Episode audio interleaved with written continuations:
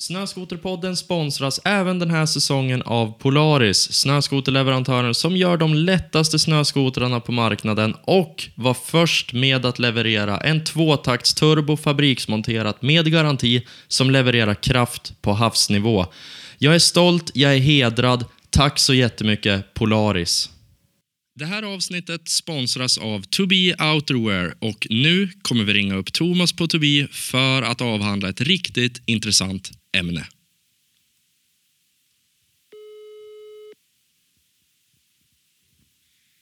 Ja, Thomas. Tjena Thomas, it's me again. Erik. Hej! Nu är vi vana där. Ja, exakt. Du, vi ska avhandla något roligt ämne idag. Vad ska vi prata om idag?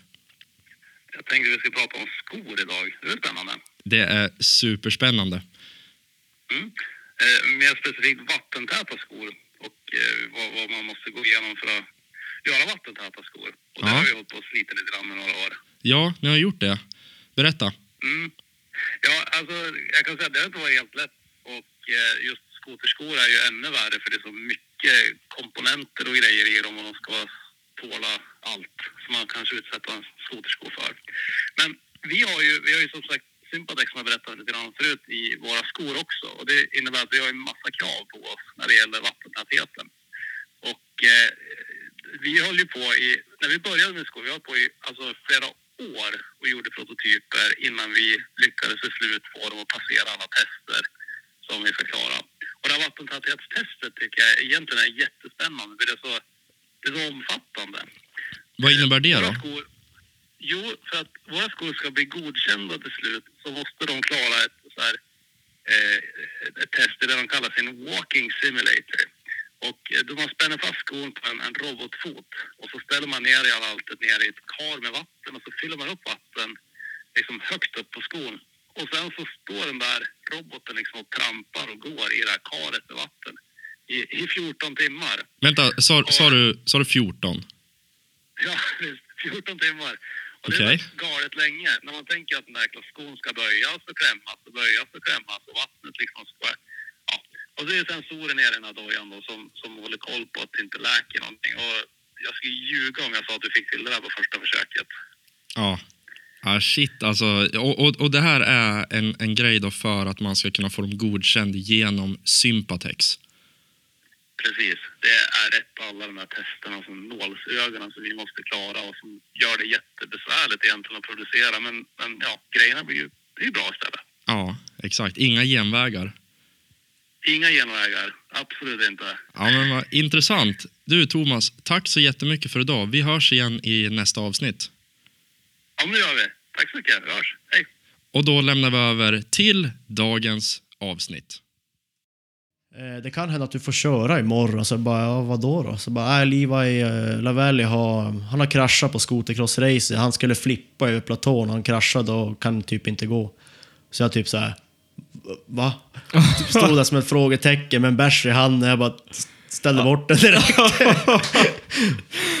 så att nej, det var så jag fick veta att jag skulle, skulle tävla då. Då var man väldigt förberedd. Ja, exakt. Ja, men ändå en rolig story. Jo. Och det var liksom starten på allt gott som sen skulle komma. ja, ja, men precis. Att det var, jag lyckades landa och dagen efter.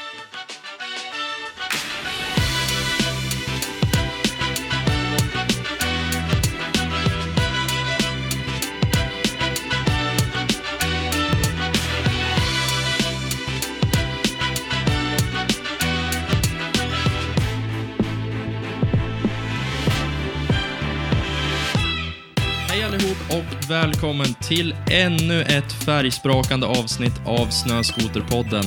Dagens avsnitt är nummer 32 i ordningen och gästen vi har här idag är verkligen inte vem som helst. Han är en av Sveriges största freestylestjärnor genom tiderna. Han är utnämnd till Årets Kirunabo 2020. Han har 18 000 följare på Instagram. Han har gjort freestyleshower på flera platser världen över och sist men inte minst så har han deltagit i X-Games i USA vid ett flertal tillfällen där första gången var redan som 21-åring. Mannen, myten, legenden Rasmus Johansson, välkommen till Snöskoterpodden. Yay! Äntligen! Äntligen! Hur lång tid har det tagit? Nej, det måste ha tagit två år tror jag. Ja, men vi har försökt styra ihop det här hur länge som helst, men det har alltid varit någonting som har gjort att det Ja. har liksom inte blivit. Det har inte tajmat. Nej, det har inte tajmat, det har inte klaffat, men jag, har sagt, jag har varit lite mer söderut, men aldrig varit förbi Sundsvall på den här tiden, så att det är väl... Ja, det har inte riktigt klaffat, man har alltid haft mycket annat att göra, så att... eh, Men nu, nu kör vi. Ja, äntligen. Alltså jag, jag har verkligen en sån så här, äntligen-känsla. Du var ju ett av de första namnen jag skrev upp på inbjudningslistan Ja, ja. när jag skulle starta podden. Men sen så bara, nej, det har liksom inte, det har inte klaffat. Nej, men exakt. nej, nu, riktigt roligt. Ja, men kul. Hur är läget idag? Eh, jo, men läget är bra faktiskt. Eh, jag har kommit precis eh, från ett jobb jag var och gjort i Mora, så att eh, jag passerar här Sundsvall då på väg hem. Så att, nej, men jag skulle säga att läget är bra. Man är lite trött, många timmar jobb och sådär, men annars överlag jävligt bra. Ja, du sa ju att du hade varit nere i, i Mora i, vad sa du, 16 dagar? Ja, det Sträck. stämmer. Sex, 16 dagar med, med jobb, ja, mellan eh, säg 10 och 15 timmar per dag. Då, liksom. Fy vad slitigt. Ja, det är rätt, eh, rätt hårt, men som sagt, man är ju där för att jobba och sen får man åka hem, så det, det är väl bara att göra det. Vad är det du har gjort då? Eh, vi var där och byggt, eh, byggt upp lite så här Tentipi tältkåtor för ett evenemang, företagsevenemang. Så att, eh, det har vi hållit på med i, ja, i 16 dagar. Både byggt upp, haft eventet och sen rivit ner. Men alltså då, det är inget litet tält. Eh, nej, det är ju ganska, ganska många stora tält som byggs ihop till ett eh, gigantiskt tält. Okej, men är det, här, är det här vad du gör på sommarhalvåret? Eh, nej, det här var faktiskt eh, nytt för mig, eh, den här typen av storleken. Jag har väl eh, byggt sådana här tält tidigare någon gång eftersom min, min far har mycket i, att göra i turistverksamheten hemma i Kiruna, och Riksgränsen och Björkliden, de orterna. Så att, eh, eh, jag har väl slagit upp någon sån här tält tidigare, men det här var eh, ett riktigt extremt bygge. Så att, det tog mycket tid och tog mycket mantimmar. Alltså det, Mm. så att, ja, men det var kul, det var lite nytt och lärorikt. Ja, men eh, gör du, gör du annat också då? För det är ju inte bara såna här tält du... Nej, jag, eh, jag brukar faktiskt vara också eh, gruvan hemma i Kiruna, eh, LKAB. Ot, otippat. Nej, nej, nej, verkligen inte otippat. Så att, nej, men jag brukar faktiskt hyra ut mig där också till, till ett företag och ja, jobba där lite under sommaren om det är lugnt på showfronten. Då vill säga. För att jag kan ju även köra shower på, på sommaren. Eh, behöver ingen snö så, så kan ju ändå vara... Eh, nu, men nu när coronapandemin har varit så att det har inte fått arrangeras några evenemang överhuvudtaget i, i princip. Så, så att det var väldigt dött på den fronten, så de har väl fått eh, hitta på andra grejer. Så att, eh, de har väl jobbat lite i gruvan och ja, andra projekt. Mm. Det är väl eh, helt perfekt egentligen, att kunna hyra ut sig på timmar lite överallt. Ja, men det ska jag väl säga ändå rätt bra faktiskt. Så det är väl... Eh, ja, man får, man får in de där pengarna man behöver för att kunna driva runt skotsäsongen, så det är väl Mm, bra. Exakt. Jobba som ett svin sommarhalvåret för att sen kunna åka skoter på vintern. Exakt. Helt rätt. Men jag tänker att eh, jag skulle vilja veta lite mer om eh, din bakgrund. Vad du har gjort tidigare och sådär. För nu har vi pratat lite grann om vad du, vad du gjorde just idag. Men eh, om vi backar bandet jätte, jätte, jättelångt. Hela 27 år. Vart är du född någonstans? Eh, Oj, det, jag är ju både född och uppvuxen i Kiruna, vilket eh, är ganska så långt upp i norr du kan komma i Sverige egentligen. Du har ju riksgränsen som är ytterligare 14 mil till och sen är du ju i, eh, till gränsen till Norge. Så att jag bor ganska norrut. Eh, så jag är född och uppvuxen där. Eh, min familj bor där. Eh, så att jag har väl egentligen ja, bott där hela mitt liv egentligen, ska jag säga. Så att... Eh, har du haft en bra uppväxt? Ja, jo, det, det måste jag väl säga att jag har. Jag har fått växa upp uppe i fjällen med runt snöskotrar och som sagt, min, min far har haft eh, turistver- eller har turistverksamhet där uppe fortfarande. Så att eh, jag har ju alltid varit runt snöskotrar sedan jag var eh, alltså, nyfödd ungefär så. Så att, eh, nej, men jag skulle säga att jag har haft en, en bra uppväxt, absolut. Mm. När du kom upp lite grann i ålder och det började bli dags för olika skolval och sådär, vad- vart eh, riktar du in dig? Eh, ja, men jag tänkte väl, eh, som sagt, jag hade väl kanske redan då en liten sån här eh, dröm att jag ville bli freestyleåkare eller något sånt där. Så jag, jag riktade in mig på eh, industritekniska, hette det då. Eh, så att då fick jag utöva jag menar, alltså, tillverkning och svetsning och både CNC och fräs och eh, sådana grejer. Så att då visste jag att ja, men med de här kunskaperna, då kan jag bygga med ramper och det finns alltid jobb liksom, i gruvan om du har de här färdigheterna. Så det, är som, eh, det var väl ganska självklart för mig. Jag velade mellan industritekniska och, och bygg faktiskt, men eh, det fick bli industritekniska. Ja, men när man, bor, alltså när man bor i Kiruna, då är ju det en extremt bred linje. Eh, ja, det är det. För det, du kan, även fast du är byggare så kan du jobba i gruvan, för det, finns, det behövs ju alltid byggas någon, någon nya byggnad eller någonting där. Mm. Liksom, så att det är väl, väldigt brett, så det, var väl, det var väl min tanke med det hela. Att då, då vet man då har man ju du har alltid ett jobb du kan falla tillbaka Mm. på.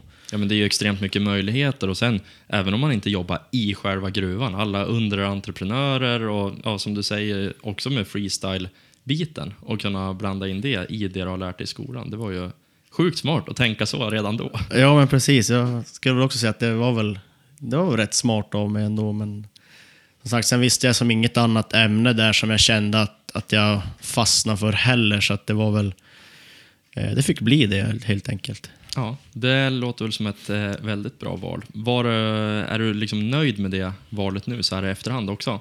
Jo, men absolut. Det var liksom... Det var, det var nyttigt för du fick ändå lära dig de här grunderna inom svetsning och tillverkning och ritningslära och alla de här grejerna. Så att det går ju att- eh, Man kan ju komma väldigt långt på det liksom och lära sig, alltså utveckla dina kunskaper då inom det. Och sen, ja, som sagt, det finns alltid mycket jobb där uppe som du har ju gruvan och det, hela stan ska ju flyttas. Så att det är liksom det, det finns alltid jobbmöjligheter om du har sådana kunskaper.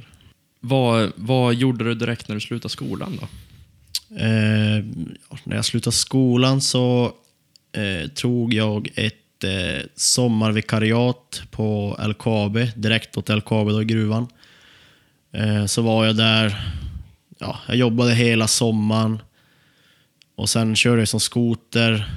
Och jag tror ändå att jag var kvar på LK till hösten någon gång och sen var jag ledig någon månad liksom.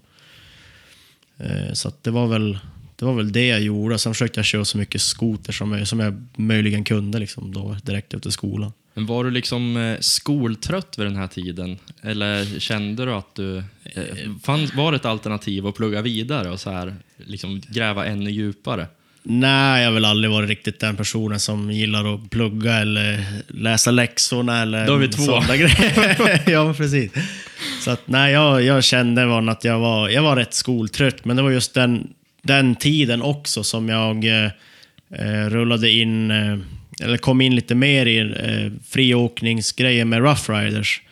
Eh, redan i den åldern, jag tror jag var 17 år gammal redan då, när jag började liksom eh, köra och filma med dem. Så att eh, jag gick ju fortfarande i skolan då, så att de, de kunde ju liksom, ja vi ska upp till fjällen nu, så jag frågade läraren om jag fick eh, vara ledig från skolan och de sa bara, ja, ja men bara du fixar det här liksom så. Så bara, ja men fan det löser jag. Så då kom de och hämtade mig från skolan, packade och så får vi upp till fjällen och körde skoter. Liksom. Men alltså 17 år, det är ju, det är ju supertidigt. Ja, det är rätt tidigt. Det var väldigt tidigt. Inte ens körkort liksom. Nej, nej, nej. Jag fick ju... åka skoter med några gamlingar. Ja, men precis. Det var, det var ganska, ganska kul liksom, att få, få vara iväg. Då. Men det var ju, jag, jag såg ju upp till dem väldigt mycket då, så det var ju som, jag tyckte det var skitkul att få, få hänga med dem och köra, köra skoter. Så det var ju bara att ta, ta chansen när man fick den. Det sa jag till, till mina föräldrar också. Liksom. Så bara, ja, men alltså, vad ska jag göra? Jag, jag vill ju göra det, så varför inte? Och det enda kravet jag fick var att jag skulle ha godkänt i alla ämnen som jag hade på gymnasiet. Liksom. Ja. Och ja, det löste jag, så att då fick jag ju komma och gå lite som jag, som jag ville. Men det är ändå en sund inställning att tänka så. Bara, ja, bara du sköter skolan, allt är godkänt, ja, men då får du ändå sväva ut lite grann och Ja, göra det precis. du vill. Ja, men precis. Det tyckte jag ändå var fair and square. Så att även fast det känns som att jag vill inte göra det här, Uff, jag orkar inte. Men Nej. det var som, man ville bara iväg. Ja.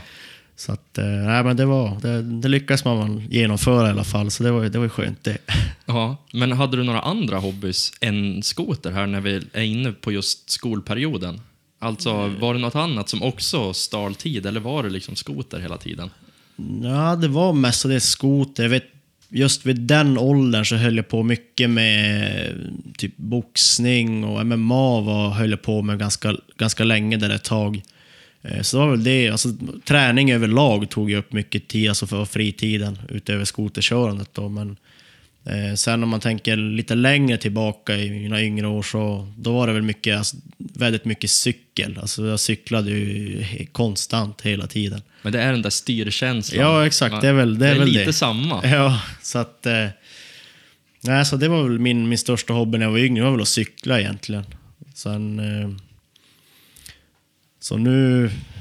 Ja, men då när det väl började ta fart över skolans tid, så då, då, då höll jag väl mest på... Alltså det var mest träning utöver skoterkörningen som jag höll på med då. Men skoter då, det har alltid egentligen, från barnsben som du nämnde innan, det har alltid varit med i alla fall i bilden. Ja, ja, det ska jag absolut säga. Så att, eh, jag vet inte. Jag satt nog säkert första gången på en skoter när jag var, bara var någon månad eller någon vecka gammal. Så att, eh, ja, skotrar har väl alltid varit med sen, sen födseln egentligen. Sen eh, tror jag körde min eh, första, jag hade någon sån här liten miniskoter, 120 kubikare eller vad de heter. Eh, som jag körde kanske när jag var tre, fyra år fick jag provköra en sån. Så att det är väl, man har kört skoter sedan tidig ålder. Ja.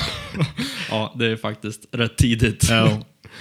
Men eh, när blev det, alltså där, när gick det från att vara någonting kul som du bara gjorde på helger eh, till att bli någonting seriöst?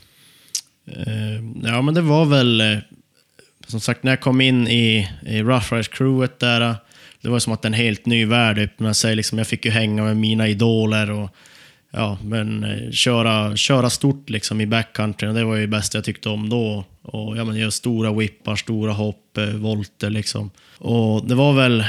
Jag hade hoppat lite så här ramp eh, fram och tillbaka men inte gett ett seriöst försök. Eller det var väl, det var väl seriöst men jag, ja, jag la inte ner den tiden som egentligen behövdes eh, under de åren. Så att jag hoppade lite då och då så här, bara för skojs skull. Och då får du inte in den här kontinuerliga, eh, så att säkra känslan för det.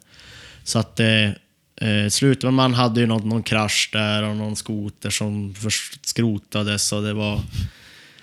Eh, så det Rough gick- times. Ja, det var lite rough times, men som sagt, det är ju det är ju lärdom liksom. Och, eh, och sen var det då, jag tror det var hösten 2013. Då, var, då, då tänkte jag för mig själv att äh, men nu, nu ska jag ge mig fan på det här. Att det här jag, ska, jag ska bli bra, alltså duktig på freestyle, en av de bästa i, i världen. Eh, och då fick jag ju möjligheten var nu att träna i Gällivare med, med Anders Eriksson då, som är en tränar och kör shower med idag också. Eh, så att, eh, ja, då fick jag ju som lära mig alla de här grundgrejerna och liksom, jag började på ett kortare avstånd. Jag tror jag körde på 17 meter och försökte som börja lära mig alla de här tricken på den rampen. Då vart det har lite mindre airtime. Ja, för vad, är- vad är standardlängden? Eh, standardlängden är typ 20-21 meter på de här superkicker-ramperna som vi kör. Och jag hade ju hoppat var en, eh, 21 meter eh, superkicker tidigare. Eh, hemma då, och i Gällivare. Eh, och jag tror typ första gången jag eh, eh, hoppade ramp med Anders eh, eh, var, ja, då bjöd jag in mig, så jag hade ju inget körkort då. Så jag, polaren hade precis tagit körkortet, så vi tog farfars gamla Volvo och släpvagn och åkte till Gällivare. Liksom, och jag dyker upp där och Anders bara, vad fan är det här? Vilket pack! Ja, och så frågade han frågade mig liksom, så bara, ja men, men, men, har du det här liksom? Så bara, och jag var så här självsäker, ja för fan, ja för fan, det är lugnt. Inga konstigheter. Nej, inget konstigt. Speedchecka någon gång liksom så här. Och så bara första hoppet klämmer i och så landar klockrent liksom i landningen. Så de bara, ja det var som ingen konstigheter, men det var som, jag kunde ju som inte göra något trick på den tiden. Men alltså, vart kommer det här ifrån? För du sa att du hade bara varit upp med Rough Riders-gänget och åkt någon gång i Riksgränsen, typ. Alltså, det var ju ändå, vad ska man säga, hobbynivå, på skoj. Ja, ni var ute och hade liksom roligt. Ja. Men vart kommer den här känslan ifrån? Är det att du har nött eller är det något du bara har, skulle du säga? Eh, nej, men nu är det, alltså, nu är det ju att, att jag har nött, absolut. Liksom. Det är, som sagt, jag har ju alltid kört skoter sedan jag var yngre och jag har haft eh, många polare som vi har ju alltid samlats varenda helg uppe i Riksgränsen och kört snöskoter. Och sen har vi haft våra egna filmkameror som vi har åkt runt och byggt hopp och filmat. Som sagt, jag har ju redigerat ihop någon, eh, någon film, eller no några filmer för länge sedan liksom, där vi kör Eh, de finns säkert kvar på, på nätet någonstans. så att, eh, nej, det var väl så det började egentligen. Det var att vi ja, men vi filmade varandra liksom och sen redigerade jag ihop någonting i slutet av säsongen och så la vi ut en film. Mm. Så att det är väl där, så det är mycket träning genom åren. Bara hoppa, hoppa, hoppa, hoppa liksom och leka. Och, så att det, det är väl egentligen där det kommer ifrån. Som, sagt, jag, som när jag var mycket yngre, då var jag så jag var ganska tillbakadragen, liksom inte så här, eh, ska man säga, inte så här extrem sportig utav mig, utan jag var sånt här ganska, ganska lugn så. Men sen var det som bara, det var ett år där som jag bara ja, men nu jäklar. Nu, då, då var det som att rädslan bara försvann, eller man säger, ja.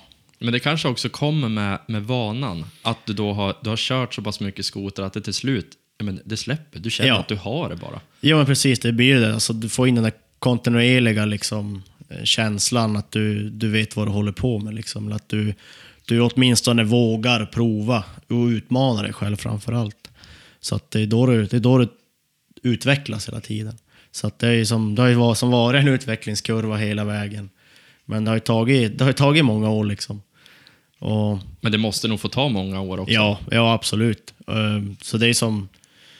När, då, när jag började köra med, med Rough Riders, så var det som då det började bli mer eh, seriöst. Alltså då, då är som, ja, för deras filmer visades ju över hela nätet, liksom i olika länder. Och, och då vill man ju, man vill ju alltid ha det fetaste segmentet i filmen. Liksom, så det var ju bara att ladda på liksom, och utmana sig själv. Och, så att, eh, det var en riktigt rolig tid var i, i mina yngre år måste jag väl säga. Jag har fått uppleva en hel del. Vad skulle du säga att uh, Rough Riders har, har betytt för dig, eller för din karriär då? Skoterkarriär? Oj, väldigt, väldigt, väldigt mycket. Det var ju som hela egentligen startskottet för min karriär. Eh, som sagt, när jag kommer ihåg att jag, det var en polare till mig på gymmet som sa bara, "Ah, fan har du inte hört av dig till Petter Grimbo liksom? De ska väl upp till Riksgränsen och filma. Så jag gick och tänkte på det där ett tag och sen, sen vart det som bara, äh, fan men jag provar skriva. Och så tog det typ tre veckor eller någonting innan jag fick svar. Och så, så bara, ja fan, jag och Jimmy Blaze, vi ska upp och köra skoter nu här till veckan. Kan du hänga på eller? Och jag bara, "Eh." Va? Tre veckor sedan? ja, ja men typ. typ så, det var typ två eller tre veckor när jag fick svar av honom. Och så bara, då, då, ja, för jag var ju som i skolan då liksom. Så jag bara, ja men fan jag tar ledigt. Ja. Så då får jag upp och köra skoter med dem. Och det var, det var kring typ Rough Rider 7 som var det och första. Och då var jag ju där uppe och filmade med dem rätt många dagar. Och till slut så sa ju Grimborg liksom bara Ja men fan alltså, du har så mycket fett material så du får, du får en egen part i filmen. Jag typ såhär bara, bara. Ja. Så det var, nej, det var riktigt kul. Det var som startskottet för... Sjuk självförtroende-boost. Ja, verkligen. Det var riktigt kul. Och så, framförallt så få lära känna alla andra som man har sett upp till. Liksom, och, ja, det var ju för det var så mycket folk som kretsade runt Rough Riders. Så att det, det var som... Ja, men och pepp, glädje Ja. och så här, man klapp Ja, det- på axeln liksom. Ja, men så det, var, ja, det var riktigt underbart. Så det var som, du lärde känna folk från över hela Sverige. Och sen när man får på alla de här filmturnéerna också, det var en riktigt rolig tid. Som vi, all, de, vi hade ju alltid dem under hösten. För att liksom peppa då inför kommande säsong. Så att, det var riktigt roligt att få åka runt och se alla olika städer, träffa nya människor. Och, ja, riktigt roligt.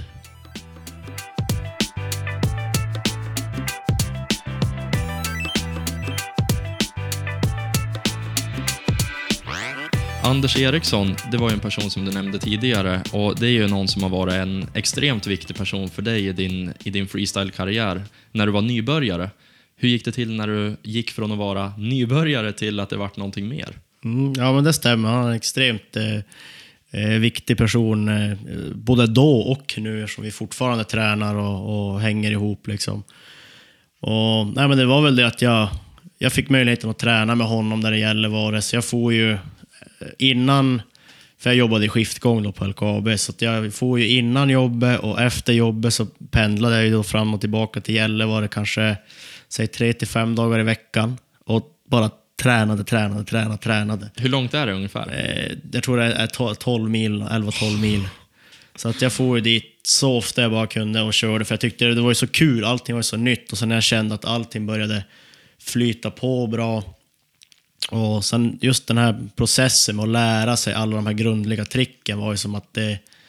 Eh, det var ju så kul liksom, för att du såg din egna utveckling hela tiden. Och sen när du har någon som som är så pass duktig, som kan hjälpa dig och förklara saker och så här ska du göra, så här ska du inte göra. Liksom. Så det var som om jag, om, eh, till exempel om jag gjorde ett, ett trick, eh, lärde mig ett nytt trick liksom. Så då var jag, då var jag så här skitpeppad, bara fan yes jag gjorde det. Så, så kom jag och snackade med Anders och han bara, ja men det är skitbra att du gjorde det, men det såg för jävligt ut. Ja. Så jag bara, jaha, ja, hur, fan, hur, jag säger, men hur ska jag göra? Så då förklarar han liksom, som bara, hur, hur jag ska eh, approacha ut från när jag kommer ur rampen och sådär och liksom och försöka förfina allting. Mm. Ja, men Så för att- det är ju inte bara, om vi tar en sån här grej som en, eh, en seat grab. Ja. Ja, det är ju liksom inte bara att hoppa bak och slänga bak benen och ta i, ta i sadeln, utan det ska ju vara Nej, exakt. ända ut i tårna liksom. ja, men exakt. Det är det som, som sagt, det- finns säkert jättemånga som kan lära sig en seat grab, men det är ju konsten att kunna få det att se bra ut. Kunna få det att se avslappnat ut och liksom sträcka på sig ända ut i tårna, liksom, som du sa. Så att, eh, nej, det var, det, var, det var det jag gillade med, med honom då, var att han, han pushade mig hårt till att liksom försöka göra allting så pass bra som möjligt. Och till slut så kom det ju lättare och lättare att det liksom, ja men så här gör man. Eh, och då, ja, vi körde på där säkert i ja, två månader eller något sånt där och sen var det som, eh, då var det ju som, eh, jag tror vid årsskiftet någon gång. Och då satt vi bara och käkade på en restaurang, jag på, skulle bara fara hem liksom, vi hade tränat.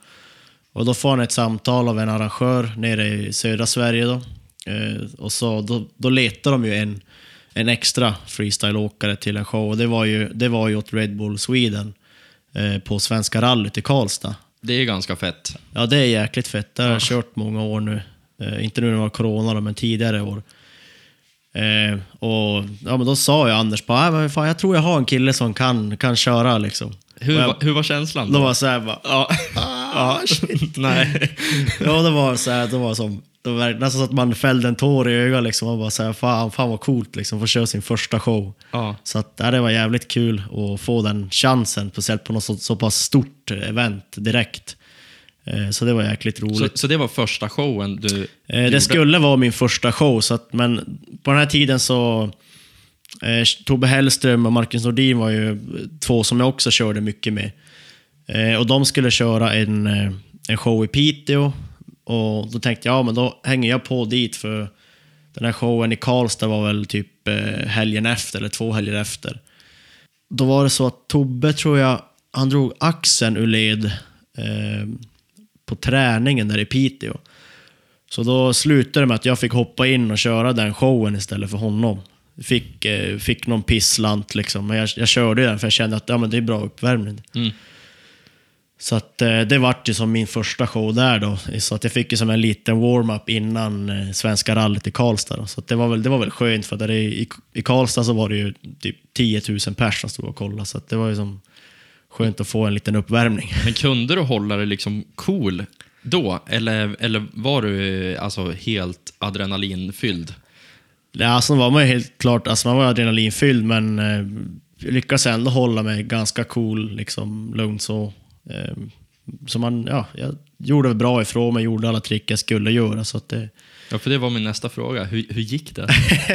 jo, nej men showen gick bra, det gick bra. Som sagt, på den tiden så flippade jag inte heller, utan jag var ju en icke-flippåkare då, så jag gjorde ju bara de basic upright-tricksen. Så att, eh, nej, men det, det gick bra, så att eh, jag har fortsatt köra shower efter det, så jag antar att det, var, det Ja. gick bra. Ja, verkligen.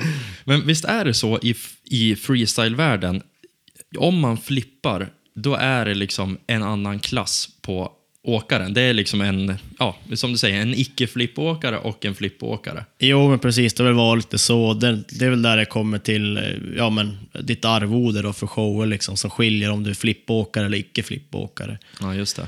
Så att det var ju alltid de som flippade tjänade ju lite mer då än den som icke flipp. Liksom. Men så det blir ju också en morot i det, att Jo, men därför exakt. vill du klara det tricket. Och Jo. prestigen såklart. Jo, men exakt. Så det blir ju, sen flippen var ju någonting som man alltid hade alltid har drömt om att göra på en snöskoter. Så att, eh, eh, så att det satt ju som en morot för mig. Var att ja, men fan, jag, jag måste lära mig flippa snart.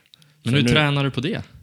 Eh, jag gjorde, för jag, jag gjorde min första bakåt, eller när jag prövade min första bakåtvolt, så var jag 16 år gammal. I, det var jag och en annan polare i Riksgränsen, så vi tänkte ja, vi hittar en schysst driva och skottar den och så eh, provar vi liksom. Och man har ju som bara studerat YouTube och kolla liksom, försöka lista ut hur man skulle göra. Luta sig bakåt, gasa fullt och håll i bara.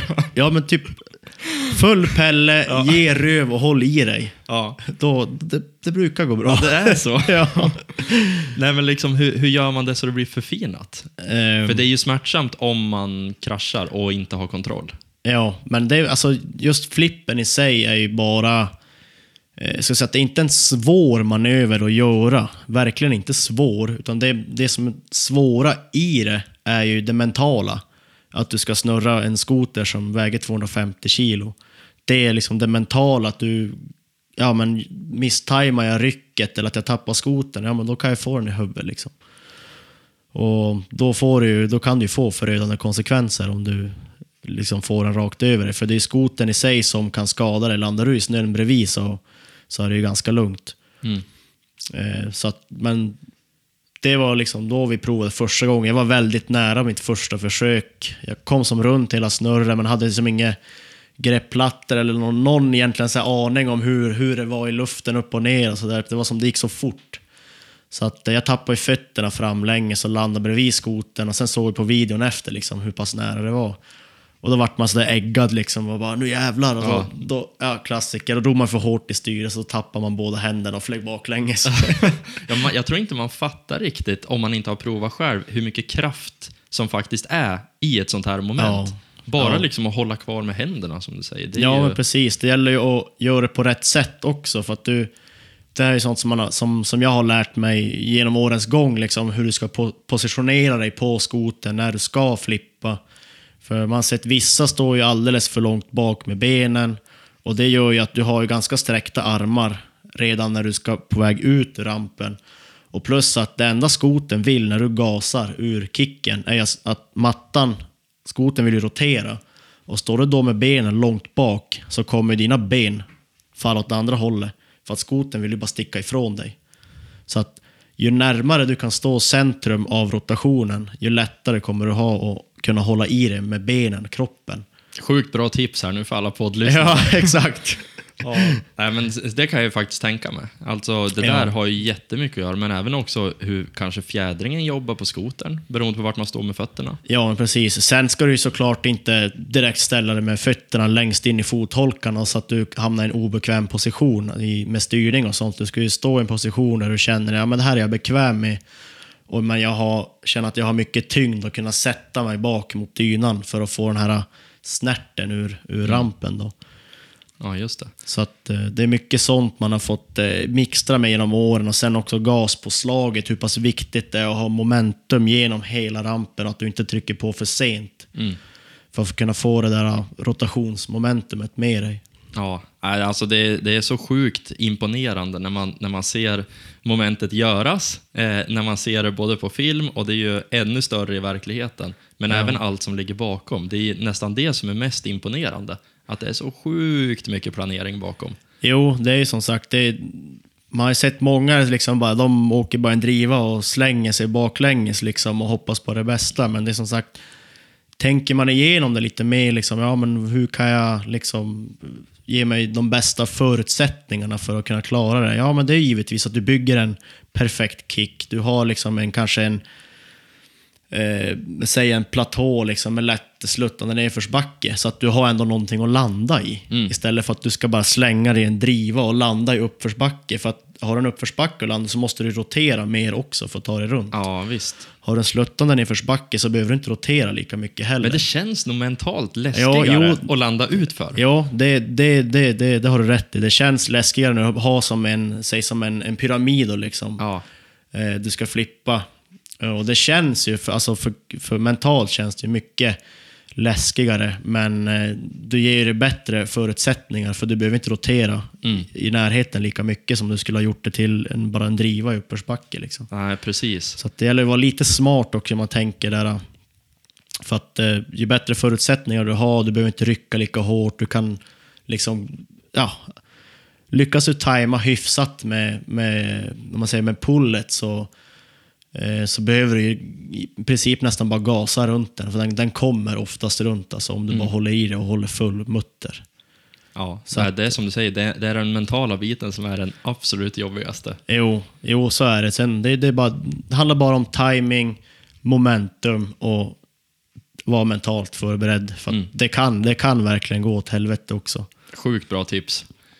Men eh, om vi hoppar tillbaka lite grann till den här showen, första, första riktiga showen då, eh, Red Bull-showen här. Vad, när du åkte hem därifrån, kände du då liksom en kick av att shit, det här vill jag göra igen, det här var så jäkla häftigt? Ja, men det gjorde jag verkligen. Det var, det var riktigt kul att få vara där. Liksom. Ja, men, köra show liksom med, det var Courtney Hungerford, Anders, och så var det, ja, det var Nordin, Marcus Nordin, Tobbe Hellström.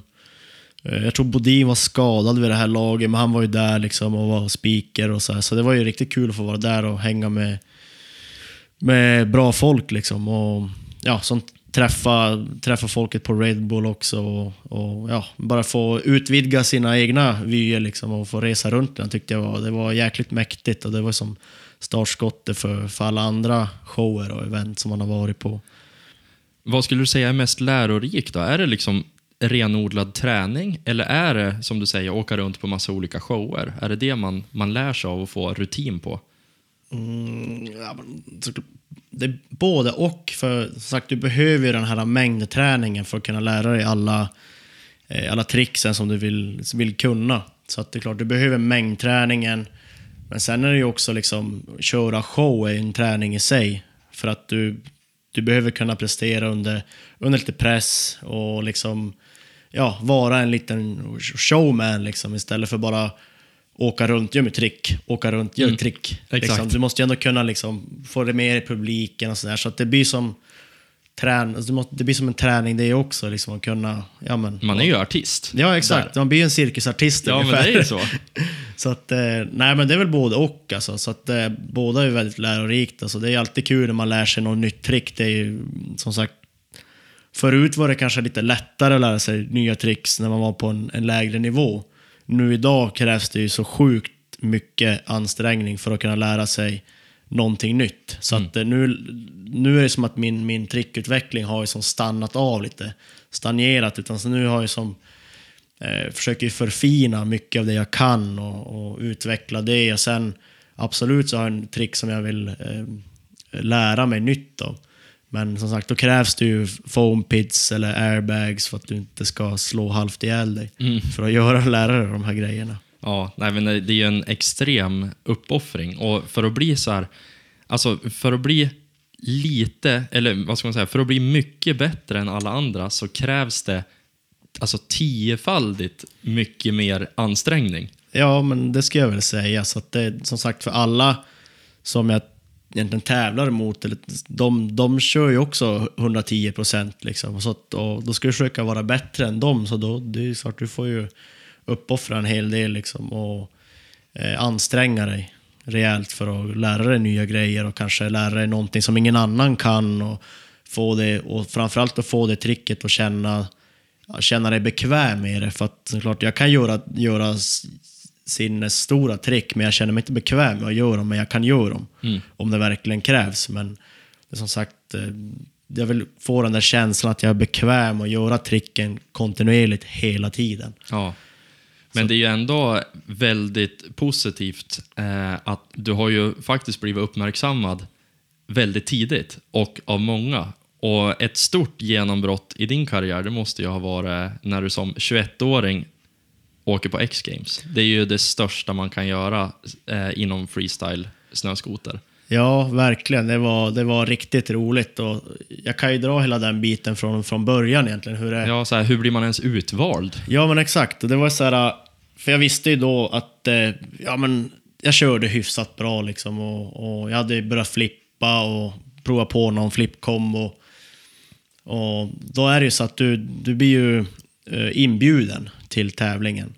Och eh, ja, men jag hade lite kontakt med någon som körde freestyle i USA och jag frågade runt det. Så här, ja, men hur, hur, ja, men, eh, vem ska man kontakta liksom, och skicka material till? Eller hur blir man in, alltså, inbjuden till X-Games? Då, eh, då fick jag en, ett namn. Bara, ja men skriv till Joe Duncan.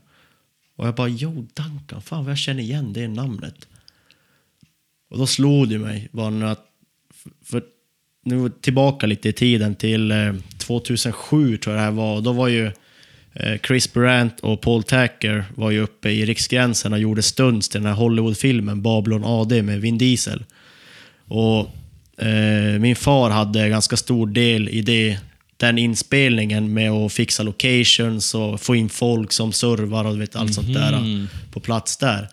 Och då var det ju så att Joe Duncan var ju deras manager där, så han var ju med dem i Riksgränsen. Alltså du hade träffat honom? Ja, så jag hade ju träffat honom i min pappas egna båthus vart han hyrde ut skotrar eh, när jag var typ 13 år gammal. Du, då känner man så här, världen är extremt, Extremt liten. liten, ja.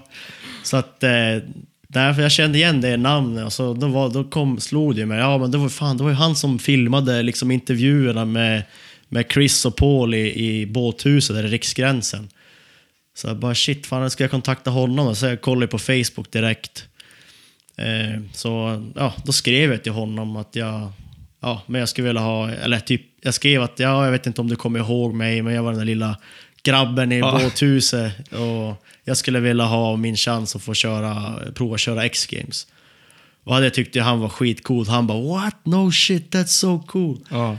Och då skrev han ju bara det var att, eh, ja, men att du får eh, skicka lite videomaterial på de tricken du kan. Liksom att du ska, för de, jag tror ett åk är ju åtta hopp, eller så har varit då i alla fall. Mm.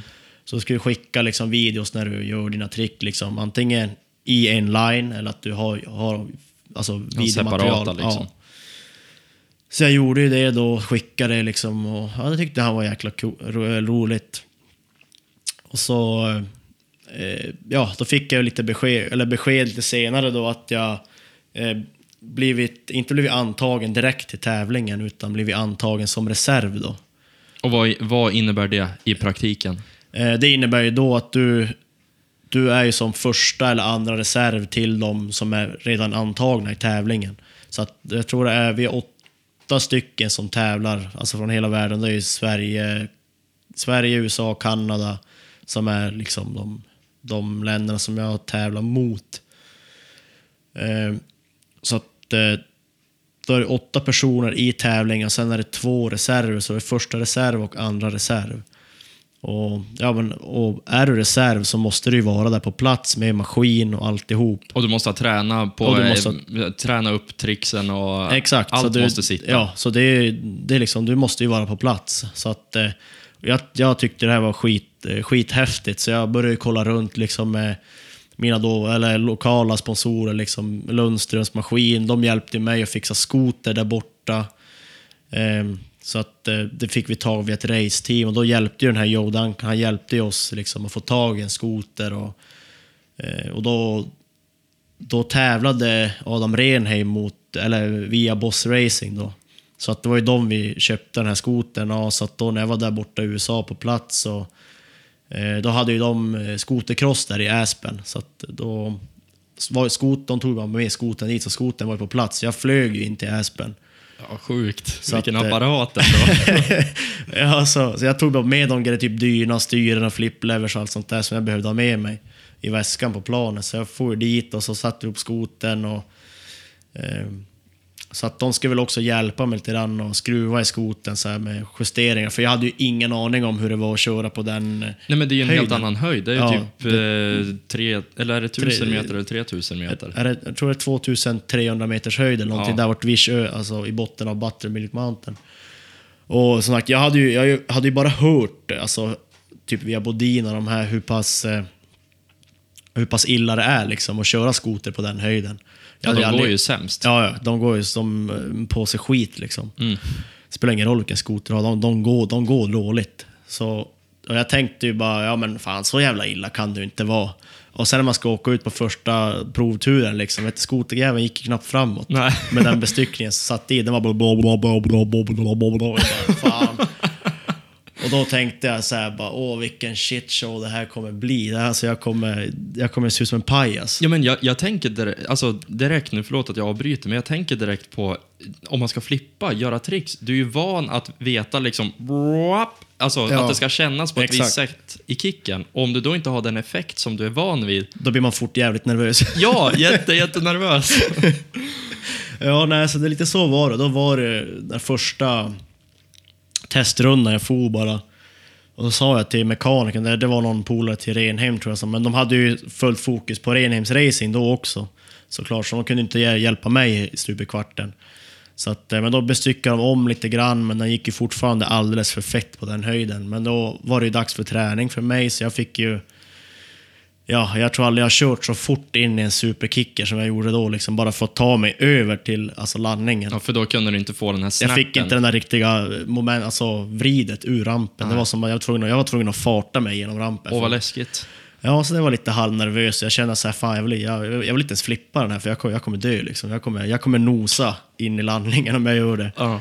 Så att det var ju som bara ner till trailern igen och så fick de börja ändra munstycken och det igen och justera vikter i variator, eller variatorerna. Eh, Och sen vart det som att, ja, men de, att när de kör skotercrossen så kan de ju ligga på högre bestyckning, för de ligger på så mycket, mycket högre varv än vad vi gör som kör freestyle.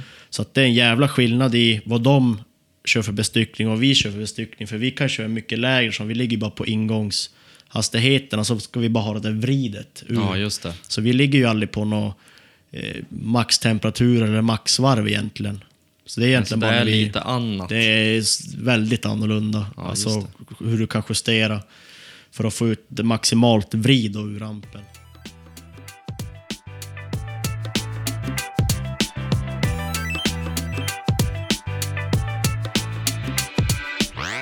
Men hur gick det då? När du kom till dagen D, eller vad man ska säga. Den dagen när det, eh, ja, du stod som reserv. Skitnervös, mest troligt.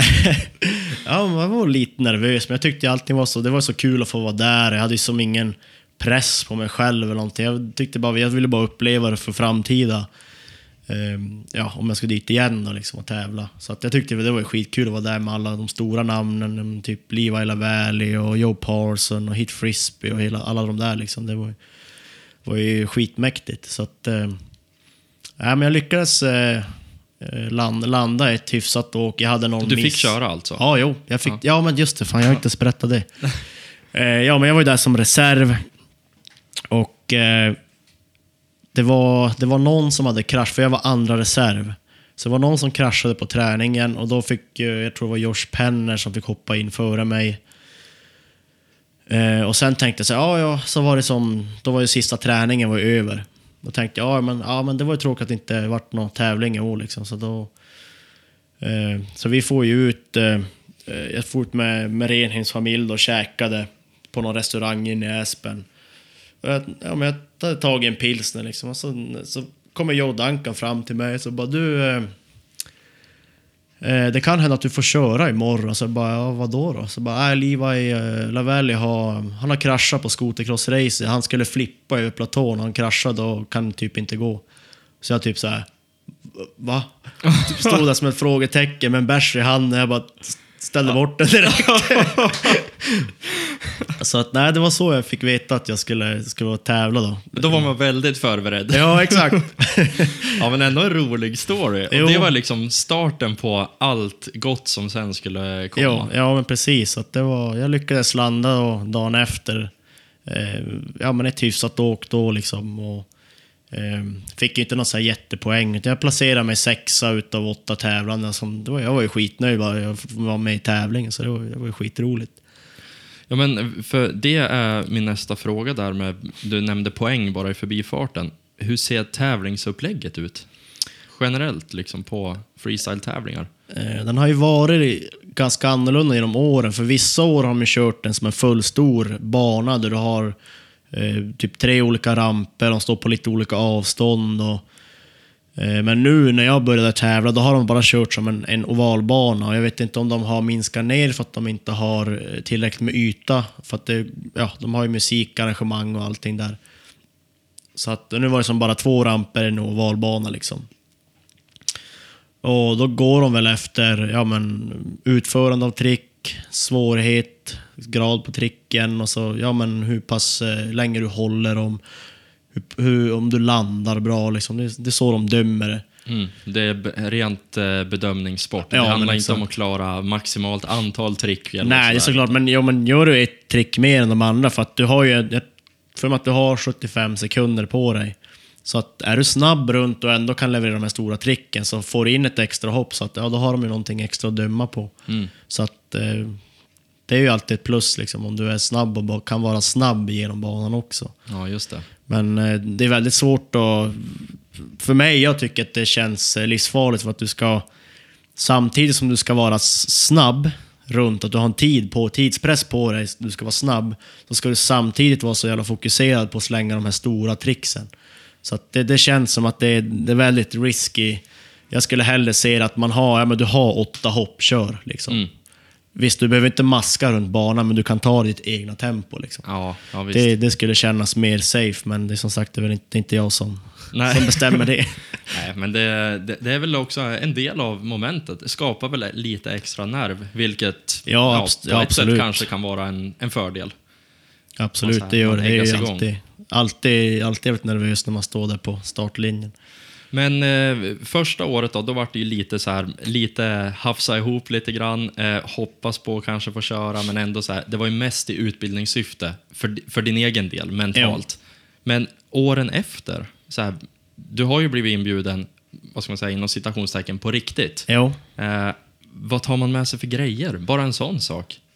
Eh, Ja, men det är väl eh, som sagt, för att du kan ju som inte hålla på och skeppa en skoter fram och tillbaka med båt eller flygfrakt, alltså härifrån Sverige. Det, är liksom, det, kostar för mycket pengar och det tar för mycket tid. Så, att, så att det vi gjorde var ju att jag fick hjälp av Lundströms och BRP och vi fixade en maskin på andra sidan då. Så att jag egentligen bara ska behöva ta, ta med mig ja, men min egna fjädring, styren, dyna, eh, AGA-system kanske, liksom variatorgrejer och som sagt, de första åren var man inte så här insatt i hur mycket man kunde laborera med variatorer och sånt där, så att det var man körde ju mest. Och, eh, men då fick man ju inte heller skoten att gå riktigt som, som man ville på den höjden, för du tappar sjukt mycket effekt på den där höjden. Så det är som att Ja men säg om du kör en, om du skulle ha kört en, eh, om jag kör 600 här på havsnivå och så kör jag en 800 där uppe. Det är som att jag kör ungefär en 600 på den höjden. Ja, det Så är att, sån stor Ja, det är en jävla skillnad. Så att det, det har väl egentligen varit den, den jobbigaste biten för mig, för jag har aldrig riktigt lyckats få min maskin att gå så där perfekt som jag har den här hemma. Mm. Och det Då har väl... måste du vara där så jäkla länge också Ja, kanske, men och- exakt. Och som sagt nu, i dagens läge så är det ju när det är insprutning på de här nya racemaskinerna så är det svårt att kunna laborera själv, utan man måste ju alltid ha, ha hjälp då från, från Race Department eller för att kunna justera någonting. För det enda jag kan göra nu är väl egentligen att laborera med, med vikter och fjädrar i variatorerna. Sen är ju liksom programvaran är som den är. Mm. Den går ju att justera med dator, men det var ingenting jag kunde, kunde Nej, styra över så. Men generellt då, då, då tar du liksom med dig det som är extremt personligt. Typ ja, men dämparsättning exakt. Ja, och exakt. dyna Ta med mig som sånt som jag, som jag känner mig hemma med här. Mm. Liksom. Men det är ändå, fast man kör en likadan skoter där borta så känns det aldrig riktigt samma. Nej. Det är det som är så jobbigt. För att, eh, du, Ja, men och sen hela pressen och momenten. Och, ja, för Det, som, som sagt, jag tror den längsta tiden jag har varit där har varit i, i kanske, säg runt tre veckor. Och så på den tiden ska du hinna ställa om dygnet, liksom fräscha till det så, så att du är med samt skruva ihop skoten och det är säkert bara det är tre, fyra dagars skruvande liksom, bara för att få allting att vara som du vill ha det. Och sen ska du hinna testhoppa den och köra, känna dig bekväm på det och sen jag har ju alltid flugit till Minnesota och därifrån är det typ 200 mil till Aspen, så ska vi bila dit och så är man helt sliten efter, Ja. efter den bilresan. Så det, det är många, så här, ja, många stressmoment på väldigt kort tid. Men ändå så sjukt häftiga upplevelser. Ja, absolut. Det är liksom, jag, jag ångrar väl ingenting. Alltså, det finns absolut saker man skulle kunna göra betydligt mycket bättre. Men det, är, ju- det är ju en liten resa om man säger så. Ja, men verkligen. Är svin, svinroligt. Och där borta, bara av ren nyfikenhet, blir man bortskämd och behandlad som en stjärna när man är med i X-Games? För det är ju ändå det största. Alltså är man så här att det liksom, det, de servar en och fixar, eller är det ändå ett solo, soloshow, eller vad alltså, man ska säga? Så man tänker, jänkarna överlag liksom är ju väldigt så här...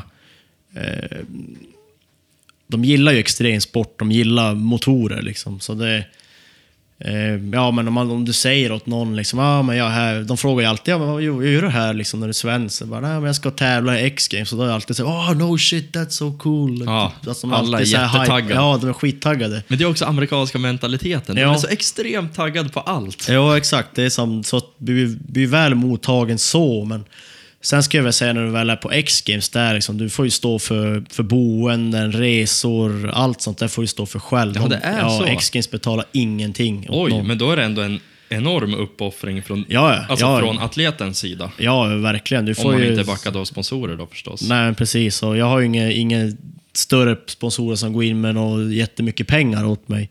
Så att mycket har man ju, jag får ju som, ja men jag har mycket bra lokala sponsorer hemma som har hjälpt mig liksom betala resor och boenden och sånt där. Så det har ju hjälpt extremt mycket. Du får resa väldigt många eventtält. ja, ja, verkligen. Nej, så att eh, det är jag väldigt tacksam över. Man har fått ändå support från lokala aktörer och samt BRP. Att man, ja, men de har hjälpt mig att fixa maskiner och lite support och sånt där. Så att, eh, men det är, ändå, det är ändå som att du är lite solo när du är där. För Mm. att, eh, som sagt, ja, du kommer från andra, andra sidan pölen och det, du är där en kort tid. Det är väldigt mycket press och få i ordning allting. Och, så att, eh, nej, det, är- det är en jäkla resa att göra. Och, eh, som sagt, jag hoppas att, att, eh, att det blir av igen och att man får, får bättre förutsättningar för att genomföra det. För att nu har allting varit ja, väldigt stressigt nästan varenda gång. Man har aldrig riktigt känt sig... Ja, eller jag har aldrig riktigt känt mig bekväm när jag varit där och tävlar. Förutom det första året jag var, liksom, då var det som roligt och bara... Ja, man kände att fan Då var kul. allt bara nytt liksom. Ja, men exakt. Och så nu då, de andra gångerna jag var med och tävla, för då vet jag att då har ju jag också utvecklats eh, i min åkning så att jag kan ju mycket större trick och du vet så här, man, man lägger ut det på sociala medier och folk bara fan vad då, X-games nästa typ. Ja. Så Det bara, blir en jäkla press. Jo, men det blir ju liksom så här, bara, "Ah, pall i år liksom. Mm. Så att eh, då får man ju, som jag tänker ju själv också, att jag... eh, Ja, men fan, jag, har, jag ser ju min chans att kunna ta pall utan problem. Bara jag lyckas genomföra det här eh, problemfritt. Med alltså att jag lyckas landa ett, ett åk med de här tricken. Men det är som sagt, när, när allting känns bra hemma och så när du kommer dit och ska köra på, i Aspen, det är bara att ta allt du har lärt dig, släng det rakt ut genom fönstret och börja om. Alltså det, det är så det känns. Alltså, det, det är så sjukt när du berättar, för jag, jag, kan, jag kan verkligen föreställa mig känslan. Mm. För du måste vara helt uppgiven också när du kommer dit, första dagarna. Du bara, nej det här, det här går åt, alltså, Ja, åt helskotta. Det, det måste ju vara känslan. Ja, men det är liksom så här, som, så är det ju. Sen man, så jag, bruk, jag brukar förbereda mig hemma hos Justin Hoyer i Minnesota. Och han har ju ramp och landning där som jag tränar lite grann på då, inför innan vi drar till Aspen. Och där känner man ju som bara, men fan, det är ett sjukt bra klipp i skoten liksom. Det här känns bra. Sen har vi farit till Steamboat Springs som ligger lite lägre höjd än Aspen. Och så laborerar man in skoten där, får den att funka. Så bara, ja men det här känns ändå helt okej. Och så åker du de där sista 800 metrarna upp och liksom. Och då är det som att det finns, finns ingenting att hämta i maskinen. Nej. Det känns som att det, då är det som att du får börja om på ny kula igen. Ja. Liksom, och börja laborera med vikter och försöka få den att varva ur ordentligt. Och, Men det måste ju vara stor skillnad även för jänkarna. Ja, det är det ju liksom absolut. Det är som det är, ja, alla vi spelar ju på samma, samma bräde. Men det är väl som vissa kör ju Vissa kör ju 800 motorer i sina, så att Mm. de har ju mer effekt. Och sen eh, vissa har ju alltså supporten direkt, så att de kan laborera mer på plats. Ja, och sen så de har ju faktiskt möjlighet att fara dit och träna ja, så också. Det, ja, alltså, vet- I Sverige, vi kan ju inte ens träna på så hög höjd. Det Nej, inte. exakt. Då ska jag ju upp på Kebnekaise, liksom. men var ska jag ställa upp en ramp där? Ja, exakt, på toppen. Nej, så att de har väl en, en, en fördel att de kan ändå åka typ till Wyoming eller någonstans där och träna på hög höjd och, och få den träningen.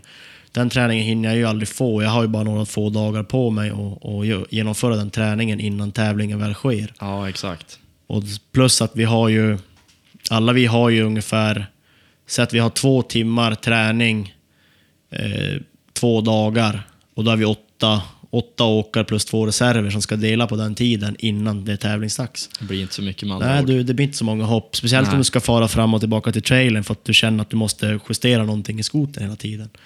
Så att det blir som... Äh, sist, sist året nu när jag var, då kände jag verkligen att, äh, fan, alltså... Jag gamblar liksom med mitt liv ungefär. Så kände jag när jag åkte ut. Mm. Och ja, då, som sagt, då har jag också liksom, ganska hårt. Ja. Så att, eh, det var ingen, ingen rolig känsla, men det var som så här, ja, fuck it, jag är här, jag måste, jag måste ju genomföra det. Hur påverkar det psyket då? Ef, liksom efteråt? Känner man sig som en sopa eller kände du ändå att du hade gett allt? Ja, alltså, säg, jag hade ju nu de här två senaste åren så hade jag ju två ganska obehagliga krascher. Båda såg ju i princip ganska identiska ut. Eh, varav skillnaden var ju bara att första, eh, första kraschen var ju att jag fipplade bort handen upp och ner på någon tsunami-flipp eller vad det var. Eh, och då var det då jag nästan höll på att få eh, bandtunneln liksom i, över huvudet när jag landade. Och då var det som, då vet jag inte vad jag gjorde, om det bara var att jag liksom tabbade mig med handen på något vis eller vad jag tänkte. Eh, för jag, då minns jag att jag körde på ren frustration, att jag var arg. Eller liksom, för att jag hade gjort, genomfört mitt första åk och jag tyckte att det var, ja, men det var ändå ett helt okej åk, men jag fick, in- jag fick inte eh, någon vidare poäng för det. Och jag tänkte så här, vad fan, vad fan ska jag behöva göra liksom för att kunna... Och så då, då gnagde väl det i huvudet, så då tappade jag fokus. Och sen eh, efter det, det, efter det året, då var jag, jag var riktigt, för jag hade ju hela familjen och allting på plats där och var där och kollade, men då var jag riktigt knäckt. Alltså jag, var, jag mådde inte bra efteråt, det gjorde jag inte. Så då, Nej, det, alltså det, det är ju tyvärr det är ju en del av sporten. Jo. Liksom det, är ju, det är vinster och det är förluster och sen så mycket tankeverksamhet däremellan. Extremt mycket. Jo, verkligen. Alltså, det är som sagt, huvudet går ju hela tiden. Liksom, att, ja, men du funderar ju på allt och ingenting i princip Mm. emellan. Liksom, bara, "Åh, fan, är jag inte bättre än så här? Man, det blir som att, sagt, jag, eh, ja, det blir som att du trycker ner dig själv liksom, på att du misslyckas. Men det, jag menar, det är väl bättre att misslyckas än att inte prova alls. Liksom. Har, man inte, har man inte ens provat, då kommer man ju aldrig Nej, men så är någonsin det. komma någonstans. Så är det. Så man måste ju ändå våga prova liksom. Och nu är väl, ja, som sagt, jag hade ju jävla tur att jag inte fick skoten rakt över mig. Liksom. Att det, jag kom därifrån med ett, ett brutet revben typ. Det var inget mer än så. Men som sagt, det, jag förstår ju de som kanske satt och kollade på TVn eller stod som min familj som stod eh, bredvid landningen från den vinkeln som det såg ut som att jag fick eh, huvudet avhugget ungefär. Då, det kan jag tänka mig inte var så ganska kul att kolla på. Gräsligt. Ja. Men eh, jag tror att, eh, alltså, när, när man hör dig berätta om det här också, man får sån sjuk respekt för hur mycket som ligger bakom. Alltså allt ifrån som du, ja, som du sa där i början, så här, ja, men du åker dit till eh, Anders Eriksson, du provhoppar lite grann, far fram och tillbaka till Gällivare tusen gånger fram och tillbaka. Sen att bli inbjuden på en show eh, och sen så att det leder sen till X-games och skotern går inte ens som du har tränat. Eh, alltså det är så extremt mycket jobb som ligger bakom och någonstans, alltså själva momentet X-games, det är egentligen en sån liten del i freestyle-resan. Jo, det, så det, det stämmer ganska, ganska väl. För det är som sagt, det, du har två, två 75 sekunders åk på dig att göra det, det absolut bästa du kan på hela året. Det är två åk, alltså det, det, det är då det gäller. Små liksom. marginaler. Ja, väldigt små marginaler. Så att det är liksom, ja men misslyckas du där, då, har, ja, då får du vänta 365 dagar igen. Liksom. För att det är, de, just nu i alla fall så har de bara ett X-games per år i Aspen. Så att det är som sagt, ja, det är som sagt, eh, ja, jag har inte känt att det har klaffat riktigt någon gång. Och ja, misslyckats två, tre gånger. Eh, Men ändå lyckats placera mig liksom hyfsat, men, men inte varit helt eh, riktigt där om man säger så. Men det som är det bästa, det är att det kommer fler vintrar, nya chanser. Du har tränat som ett jäkla djur. Och jag, jag tror, jag talar nog för alla poddlyssnare när jag säger att alltså alla hejar ju på Rasmus Johansson. så är men det ju bara. Ja, men det låter bra. Det, det hoppas jag. Det låter, det låter bra. Rent upplevelsemässigt då? Är man inne i sin egna bubbla eller är det mycket galej och fester i, alltså när det rör X-games? Eh, nej, just runt X-Games-biten så är det väl... det är inte så mycket, alltså just innan, alltså så, här, så då är det ju som inga fester alls egentligen. Det är, så här, ja, det är klart, du kan ju dricka någon bärs någon dag, liksom, så här, men inte någon inte nå större fest så, utan det är väl mer kanske, för upp till X-Games är det som, du är så, så pass fokuserad och eh, det är så mycket moment som ska genomföras, och så, ja, många resdagar. Så att det blir som, du är så inställd på allt det där och fokuserad på att du ska göra det bästa ifrån dig.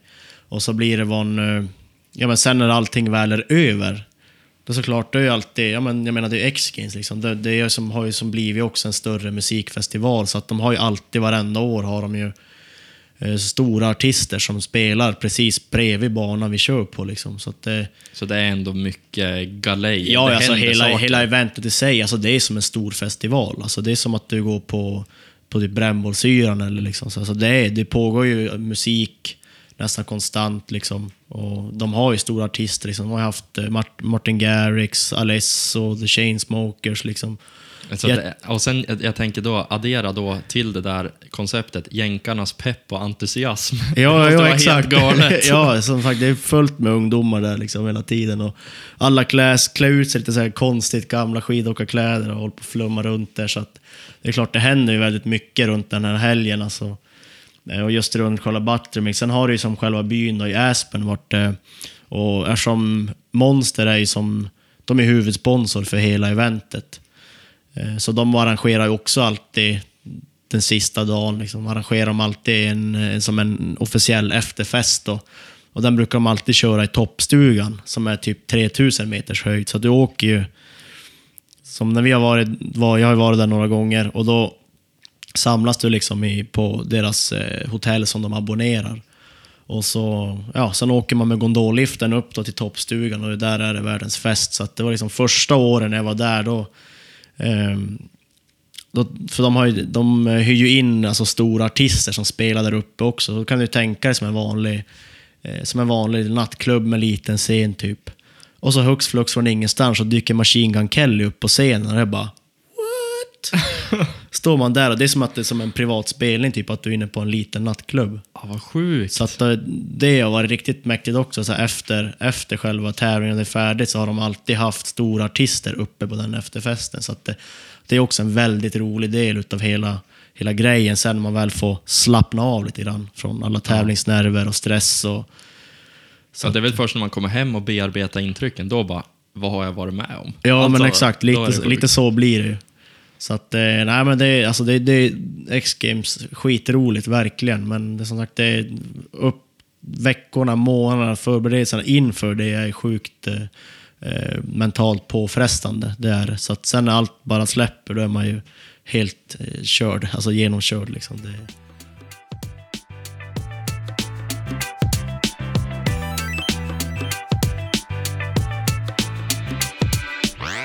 Du är ju bara 27 år gammal, så när vi pratar liksom om dåtid och saker som har hänt och upplevelser, så det är ju inte så jättemånga år sedan.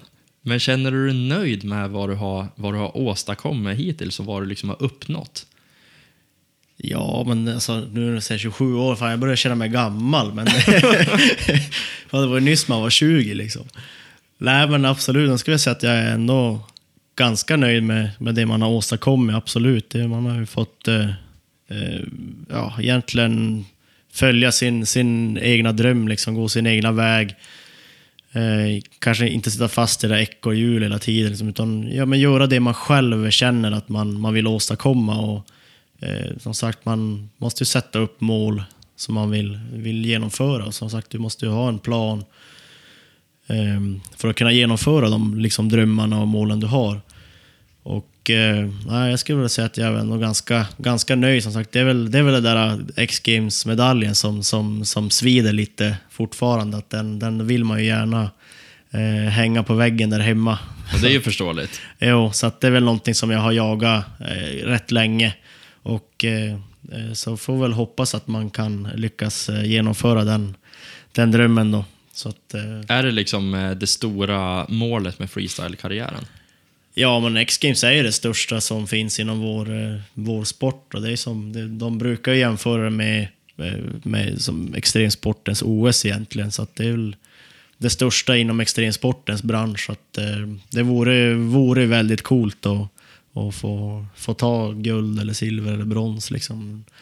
Det får man ju se hur, hur det går, men jag är väl ändå rätt nöjd. Jag har fått resa, resa världen runt och eh, göra det jag tycker om egentligen. Liksom showa för folk och ja, se andra, andra länder och liksom uppleva väldigt mycket roliga saker. Så att, eh, jag får väl, får väl vara lyckligt lottad om man har lyckats med det man har Du velat. har fan jobbat för det också. Det har du Jo, verkligen absolut. gjort. Jo, det är, det är så mycket tid, timmar och slit och svett bakom det där. Så att det, det är nog få som, som eh, förstår. Men det är som sagt, det är väl, det är väl också vilk, alltså, vilken bransch du än är i. Så är det som sagt, vill du uppnå, uppnå någonting så måste du ändå du måste lägga ner tiden för att göra det. Liksom.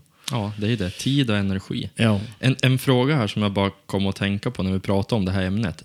Är du självkritisk? Skulle du bedöma att du, att du är det? Ja, Har du, ja. Eller har du lätt att vara liksom nöjd? Eh, nej, jag skulle säga att jag är ganska självkritisk. Alltså jag, är, jag är ganska, eh, ganska hård mot mig själv just när det gäller, eh, jag men, säg typ eh, just åkningsmässigt eller eh, jag men typ om jag ska göra ett trick och jag tyckte att ja, men det här kändes inte bra. Liksom, att det, liksom, jag blir som... Eh, jag vill för, förbätt, kunna förbättra hela tiden. Liksom, och så här, ja, men typ, om någon kompis typ filmar när jag tränar så ser jag ju ja, de här små detaljerna som kanske inte vanliga människor ser, alltså som inte är insatta i själva sporten. Så att ser jag ju liksom, ja men fan det där var inte bra, liksom, det där måste jag göra bättre. Och så, sådana saker så är jag väldigt självkritisk. Och sen, eh, sen även typ, ja men till exempel som efter att krascha på X-Games, jag, jag är oftast alldeles för hård mot mig själv. Jag inser inte att jag är en av, av topp 10 i världen som är där och tävlar, utan jag, jag tänker mer att jag, det blir som att jag trycker ner mig själv istället, fast jag kanske inte borde göra det. Så att det blir, ja, men på så sätt så är jag ganska, ganska hård mot mig själv. Liksom, och det är väl kanske inte eh, allt för bra många gånger. För att du, till slut så hamnar du på en jävligt tråkig, dålig plats där du kanske är lite för länge. Men det är ändå, alltså det är intressant när du, när du berättar det, för att det här mönstret, det ser man ju hos egentligen alla högpresterande människor. Pressen, den kommer inte utifrån. Pressen, den kommer inifrån, från en själv. Och det är det som är så sjukt intressant ändå. Så här, alltså, vart kommer det ifrån? Hur kan det vara så? Ja, alltså jag, jag Varför är man liksom inte Ja. nöjd? Nej, exakt. Varför, varför nöjer man sig aldrig? Man liksom mycket vill ha mer hela tiden. Det är alltid att du liksom ska överprestera hela tiden. Och det är som sagt den största pressen, det är som du säger, den kommer ju inifrån, från dig själv. Att du vill alltid prestera så bra du bara kan. Ja, det är extremt intressant. Om vi pratar lite kommande planer då. Hur ser vintern ut för din del? Vintern som kommer? Eh, ja, alltså med tanke nu på just med covid-perioden så eh, det är väl inte, jag vill ta det lite som det, som det kommer. Som alla mina event och ja, men shower och sånt där, tävlingar har ju blivit inställda på grund av det här. Och det är väl som, som all, för alla andra liksom med resande och sånt där. Så att allting ställs ju in. Så att eh, jag väl... Eh, eh, jag har ju bara kört två shower nu under de här åren. Eh, I Ryssland, båda showerna. Så jag fattar inte hur vi lyckas genomföra det under de här tiderna, men på något sätt så lyckades vi. Men och som sagt, så att, nej, jag hoppas verkligen att det, att det börjar lätta upp nu, att, att folk börjar våga eh, arrangera event igen. Och, eh, det känns, jag får en liten känsla av att det, det är på gång, att det lättar. Det känns verkligen så. Eh, jo, för man ser ju mycket ute i, ja, men, ja, man följer mycket folk på Instagram och sådär från andra sidan pölen. Som man ser, de kör ju fullt ös med shower nu liksom och det är musikarrangemang och allting. Så att det, det vore konstigt om det inte börjar öppna upp nu när folk ändå procentuellt så börjar de flesta vara vaccinerade och, och så vidare. Så att, ja, jag hoppas verkligen att det börjar lätta upp, så då är det väl ja, men framförallt att fortsätta köra en hel del, så mycket shower jag egentligen kan, för det, det är det jag tycker är roligast med det, att få, få visa folk eh, vad jag är bra på och, liksom, och eh, ge dem en liten aha-upplevelse. Ja men verkligen. Det är ju, det är ju alltid spektakulärt när man står på sidan och Ja, precis. tittar. En riktig så här chest freezer-upplevelse. Det, det, det tycker jag om att ge folk. Ja, extremt roligt. Och lösnöåkning, är det någonting du har planerat för i vinter? Eh, jo, men faktiskt. Det väl alltså, man har ju märkt, märkt också hur branschen har gått lite grann. Alltså det har blivit, lösenåkning har ju exploderat totalt. Så det är ju... Så nej, jag har väl eh, tagit ut en längre maskin nu till säsongen. Och egentligen förra säsongen som jag tog jag också ut en som, men det har inte hunnit köra så. Det var förra säsongen som jag hann köra rätt mycket lössnö. Eh, Men det är också för mig, det är som det är helt nytt liksom. Jag har aldrig, aldrig eh, kört riktigt den här eh, djupa lösnön bland träd och sådär. Så det är också helt nytt för mig. Så jag ser det som en utmaning att kunna utvecklas mer där. Mm. Som sagt, det, det jag är riktigt duktig på är väl liksom stora hopp och liksom den där big mountain-körning, alltså i fjällen och freestylen såklart. Så att, eh, nej, där ser jag väl också potential att kunna, kunna utvecklas mer och mer. Och där finns det också ruggigt duktiga skoterförare i Sverige. Så att, eh, Men det är det som är så extremt roligt med just skoterkörningen. Det finns så sjukt många olika inriktningar. ja, Och sen vågar man bara vara lite dålig och kasta sig in på en ny inriktning. Då märker man ju, shit, här finns det jättemycket roligt att lära sig. Och då blir det ju svinkul sen på sikt. Ja, men exakt. Så då blir det ju som en nytändning om du säger... Ja, men, som sagt, jag kan ju, vissa dagar kan jag ju känna mig ganska mättad på att köra freestyle. Som sagt, jag, fan, jag, vill inte, jag vill inte ens röra en snöskoter. Liksom. Så, var det, så, här, så var det jag kände efter de senaste X-Games. Liksom. Fan, jag vill inte ens se en snöskoter mer. Så var det ett tag, men sen började den började som känslan åt, alltså återinfinna sig igen. Liksom, bara, "Ah, kanske ska ut, gå ut i garaget och skruva lite. Eller? Ja, men det är ju det där. Man blir ju alltid så. Och det tycker jag generellt är. Alltså, på våren när man ställer undan skotern, man har haft så här, kanske en, en halvtaskig sista körning, det var inte så mycket snö. Man bara, äh, nu, jag är klar med det här. Ja. Nu är det skönt med sommar. Och sen så kommer man där in till slutet av augusti, början av september. Ja, skoter, jätte, Ja. jätteroligt. Exakt, det är samma visa varenda Ja, år. det är det. Ja, det är extremt Nej, roligt. så det, är- nej, det är väl lösnöåkningen, ser jag väl fram emot faktiskt. Bara hoppas det blir en bra vinter framför allt. Ehm, och sen eh, såklart så får vi se om det, om det arrangeras några nå X-games. Så, så att då, eh, det är väl målet, att kunna vara med där och tävla igen. Och försöka ta en pallplats då. Så det är väl det är väl det målen jag har. Och sen får man se hur säsongen utspelar sig. Sen jag är ju riktigt peppad på eh, fet, alltså våråkning, stora hopp och grejer. Och, och, eh, så ja, kanske pusha lite mer på, på Instagram. Jag känner att jag har tappat lite där. Att jag liksom, jag har inte haft drivet till att ja, posta mycket grejer. Liksom. Jag har inte...